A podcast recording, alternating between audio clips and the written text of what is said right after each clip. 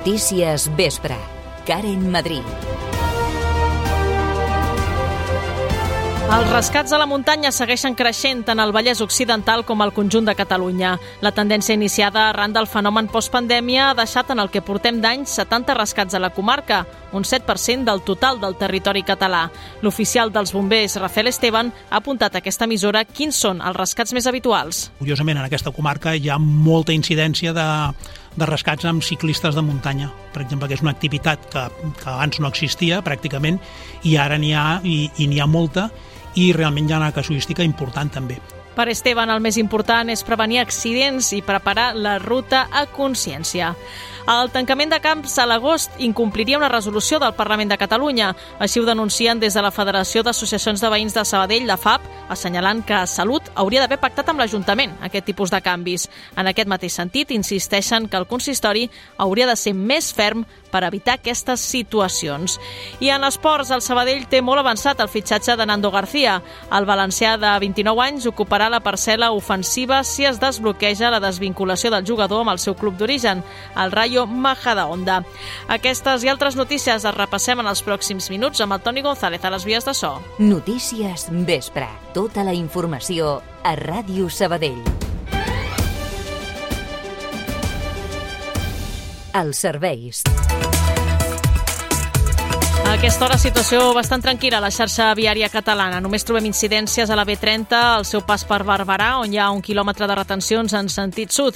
Ja a Barcelona, trànsit molt dens a la ronda litoral entre Montjuïc i el Fòrum en els dos sentits i a la ronda de dalt entre Sant Gervasi i la Meridiana en sentit Vallès. El temps.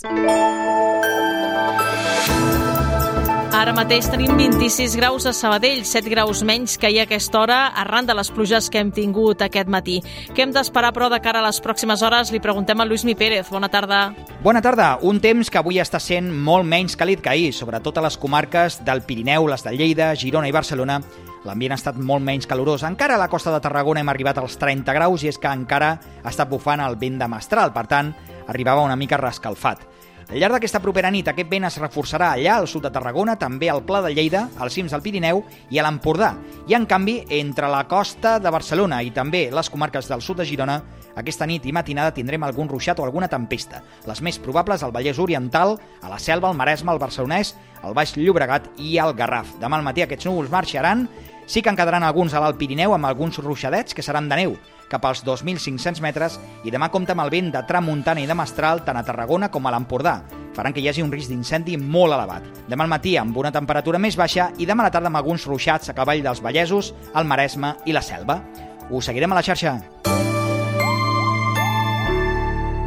Els rescats de muntanya han augmentat significativament arreu de Catalunya en els últims anys i els entorns del Vallès Occidental no en són una excepció. Els bombers tenen les competències de rescats des de 1985 i des d'aleshores que cada vegada ha anat més a l'alça. Així ho diu l'oficial Rafael Esteban. Vam començar fent com uns 300-400 rescats a, l'any, doncs fins ara, el 2022, en van fer com 1.800, i, i clar, això ha sigut una, una línia ascendent molt important. Repassem més dades. Júlia Ramon, bona tarda. Bona tarda, Karen. Sí, de fet, la nostra comarca és una de les zones on més s'acumulen els incidents a l'aire lliure. El 7% dels rescats es fan aquí, segons ha explicat aquesta emissora l'oficial Rafael Esteban. El que és el Vallès Occidental, eh, mira, podríem dir que eh, des del 2020, per exemple, en van fer 93. El 2021, 104 el, el 2022 81 i aquest any, amb el que portem d'any, en portem 68. Si tenim en compte que al Vallès Occidental doncs, han fet aquestes, aquests serveis i que amb, un, amb el total són uns 1.800, 1.900 els que fem, doncs estaríem parlant de que aquí es fan el 7-8% de, de rescats de, que es fan a Catalunya. Esteban ha detallat que aquest juliol els ciclistes han estat els més accidentats de la nostra comarca, però que els avisos, així com les casuístiques i els perfils excursionistes, són molt diversos. És molt variat, i més en una zona que no és específicament de, Uh, per exemple, si estiguéssim parlant de, de Montrebei, digués, home, doncs la majoria de escaladors, no? O gent que fa senderisme més específic.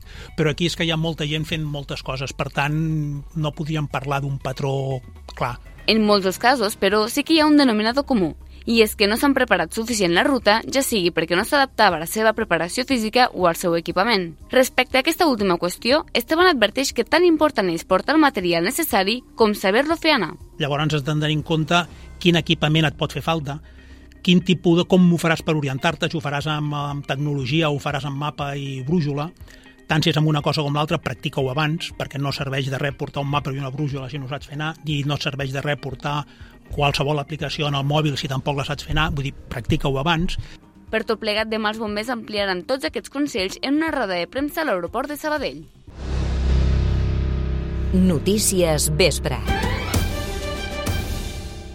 Cops de calor, intoxicacions i gastroenteritis són els motius més comuns de consulta al veterinari. Amb l'estiu, en el seu moment àlgid, les mascotes tenen perills específics d'aquesta època de l'any que es poden evitar amb una bona prevenció. Pau Duran, bona tarda.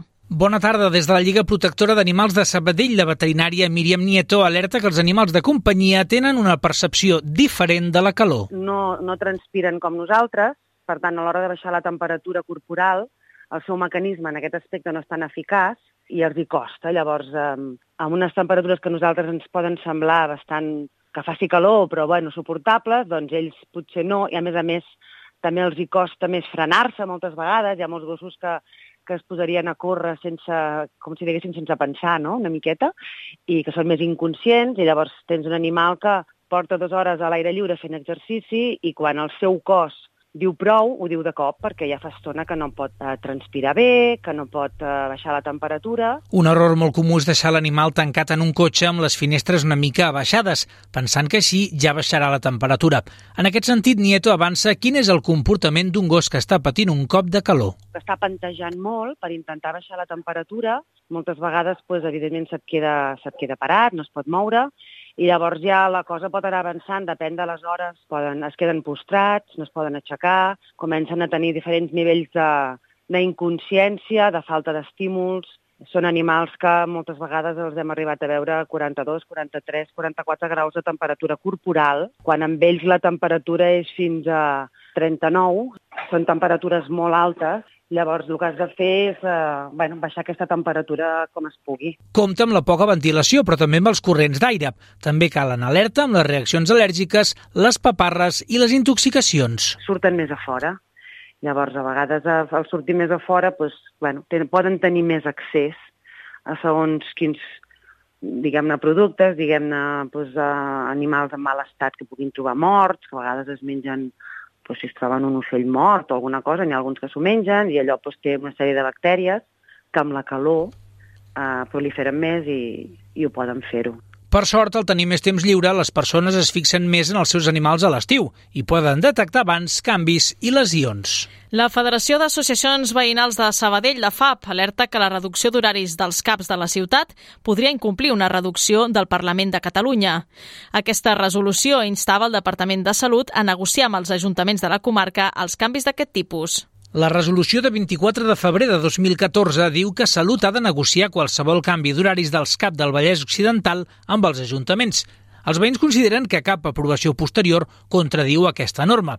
El president de la FAPS, Manuel Navas, recorda que el pressupost surt dels diners dels contribuents i lamenta que s'expliqui com una solució la tirada enrere de la mesura en només alguns centres. Per això demana un paper més actiu de l'Ajuntament de Sabadell. També exigimos que l'Ajuntament de Sabadell sea capaz de exigir lo que cumple esa resolución, que cumpla, se cumpla esa resolución. Que no aceptamos de que, bueno, es que es la Generalitat, de acuerdo que es la Generalitat, ¿eh? eso lo sabemos, pero también hay que ver el papel que juegan aquí el Ayuntamiento de Sabadell. Han hecho un pleno, sí, han aprobado por unanimidad que no cierren, sí, pero hay que exigir mucho más. Y en este caso y en particular, tengamos en cuenta que los CAS que van a plantearse en este momento cerrar, a cerrar, modificar los horarios, que son el de Can Rull y el de Canyó, depende del Taulí. I el taulí és una cosa que està en el Consell, està a l'Ajuntament de Sabadell. No? La Generalitat preveia que aquest agost cinc caps de Sabadell reduïssin el seu horari, però l'Ajuntament ho ha evitat amb una moció del PSC en el ple de juliol i s'ha aconseguit en dos d'ells, en el cap de la Creu de Barberà i en el cap sud. En canvi, el cap Can Rull només obrirà els matins, el de Can Llong a les tardes i el de Poble Nou romandrà tancat durant tot el mes. Ràdio Sabadell. Notícies. L'abonament gratuït de Renfe per l'últim trimestre de l'any ja es pot demanar. Si no hi ha canvis, es preveu que aquesta sigui l'última renovació de la mesura, una mesura que es va introduir fa un any per compensar l'ascens generalitzat dels preus i per fomentar l'ús del transport públic. Entre els usuaris consultats per aquesta emissora hi ha interès per tornar-se a beneficiar de l'abonament, sobretot els que agafen el tren diàriament i, per tant, li donen més ús.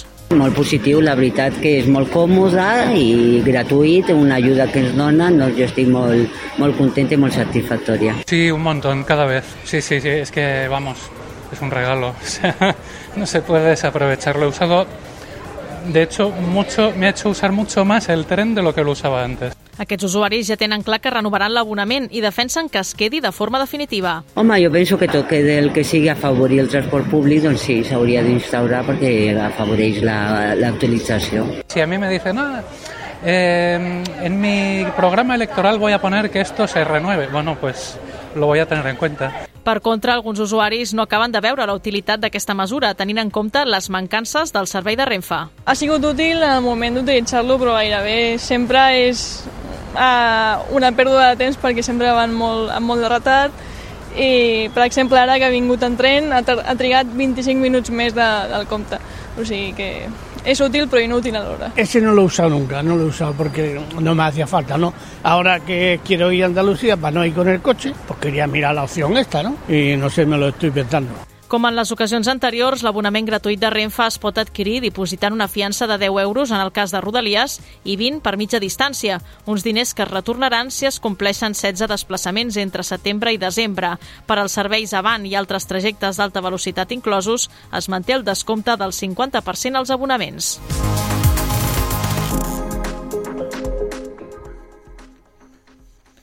Una deflagració al centre de Montcada i Reixac ha obligat a desallotjar els veïns d'un bloc de pisos i a tallar temporalment la circulació de trens de la línia R2 de Renfe. Els fets han tingut lloc uns minuts abans de les 7 del matí en un pati interior d'una serralleria, arran de l'explosió d'una bombona de butà.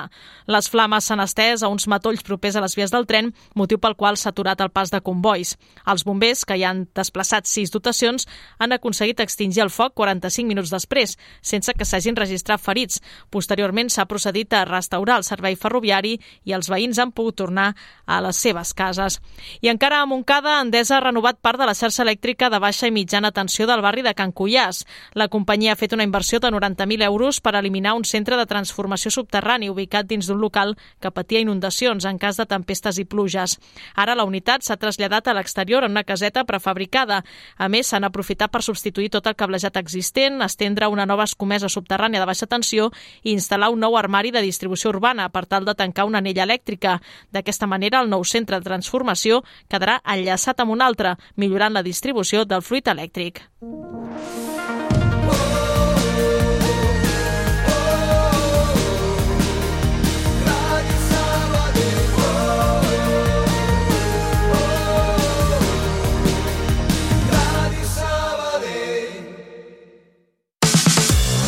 Coneixes l'app de Taximés? Descarrega-te-la i reserva un taxi còmodament des de la nostra app. Més informació a taximesapp.com. Taxi! Ràdio Taxi Sabadell, el teu taxi de referència a Sabadell. Ràdio Sabadell. Notícies vespre. Fora de Sabadell i la comarca. El Ministeri de Consum ha obert els primers expedients sancionadors a les set línies aèries de baix cost que cobren suplements per l'equipatge de mà transportat en cabina. La investigació es va obrir el juny i també inclou els sobrecostos aplicats a altres serveis, com la reserva del seient contigu a un altre passatger en el cas de menors o persones dependents. Les sancions previstes per a aquest tipus d'infraccions poden anar dels 10.000 als 100.000 euros. La inflació dels països de l'OCDE ha baixat gairebé un punt, tancant el mes de juny al 5,7%. L'IPC ha baixat a tots els països de l'organització, excepte Alemanya i el Japó. L'energia continua amb la tendència a la baixa dels últims mesos, amb una reducció del 9,6%. Pel que fa a l'alimentació, l'augment de preus continua lentint-se, però és d'un 10,1% a tota l'OCDE. L'Agència Catalana de l'Aigua no preveu talls d'aigua de moment en els municipis on s'ha declarat l'emergència per sequera. Així ho ha apuntat avui el director de l'ACA, Samuel Reyes, després que 22 municipis de l'Alt Empordà i dos del Baix Camp hagin entrat en aquesta fase. Tot i això, admeten en declaracions a Catalunya Ràdio que caldrà estudiar cas per cas. Els municipis, per la seva banda, asseguren que no tenen eines per multar les persones que superin el consum d'aigua durant la situació d'emergència. Segons les poblacions, la demanda que els fa l'Agència Catalana de l'Aigua és inviable de complir, sense comptar amb dades del consum a temps real. Esports.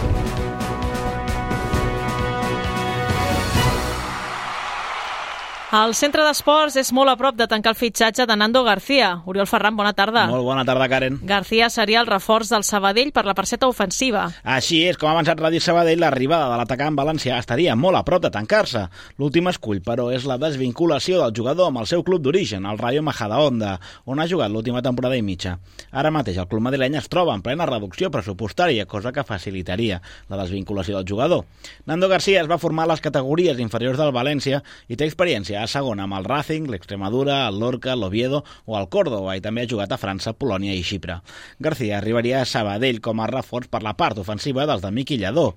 La seva possible incorporació deixaria una única llicència sènior per omplir, a banda de les dues sub-23 que hi ha disponibles. En informació que afecta el centre d'esports, l'empresa Tema Broadcast emetrà la primera federació. Segons ha avançat fa una estona el periodista Rafa Maínez, l'empresa ATM Broadcast ha adquirit els drets per emetre els partits de la categoria de bronze els pròxims 3 anys.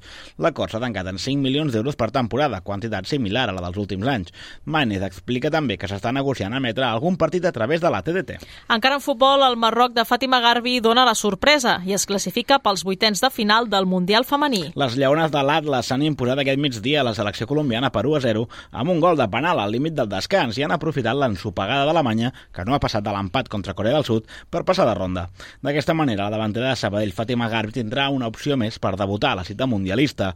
El partit de vuitens es disputarà dimarts, dia 8 d'agost a la 1 del migdia. Tanquem avui a l'aigua perquè l'àrbitre de waterpolo Marta Cabanes ja ha tornat del Mundial de Fukuoka. La col·legiada de Sabadell va ser un dels dos representants espanyols al Mundial de Natació a terres nipones, confirmant la seva progressió meteòrica en el món de l'arbitratge després de fer el curs internacional 2020 i debutar en un europeu l'estiu passat a Split.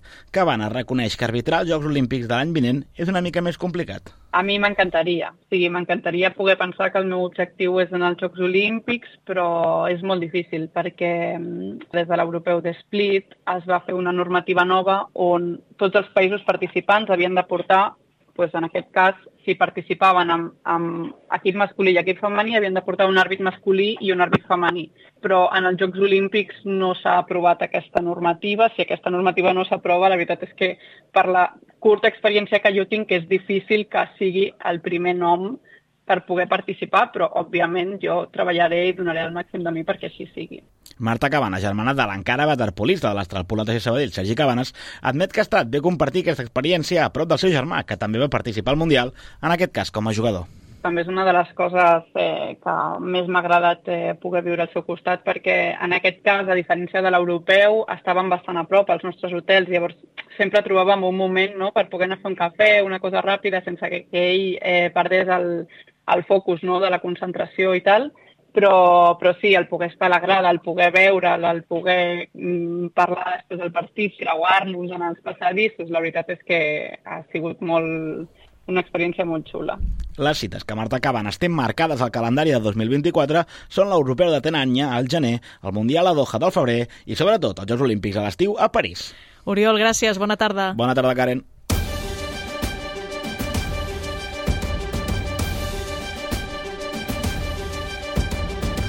11 minuts per dos quarts de vuit, tanquem el Notícies Vespre d'aquest dijous 3 d'agost, recordant-vos que tot el que us hem explicat ho podeu trobar ampliat al portal web d'aquesta casa, radiosabadell.fm. Tornem amb més notícies a la 94.6 demà a partir de les 10 amb els butlletins horaris i a partir de les 2 amb el Notícies migdia. Que acabeu de passar un bon dia. Adéu-siau. Allà on siguis, escolta'ns online. En directe.radiosabadell.fm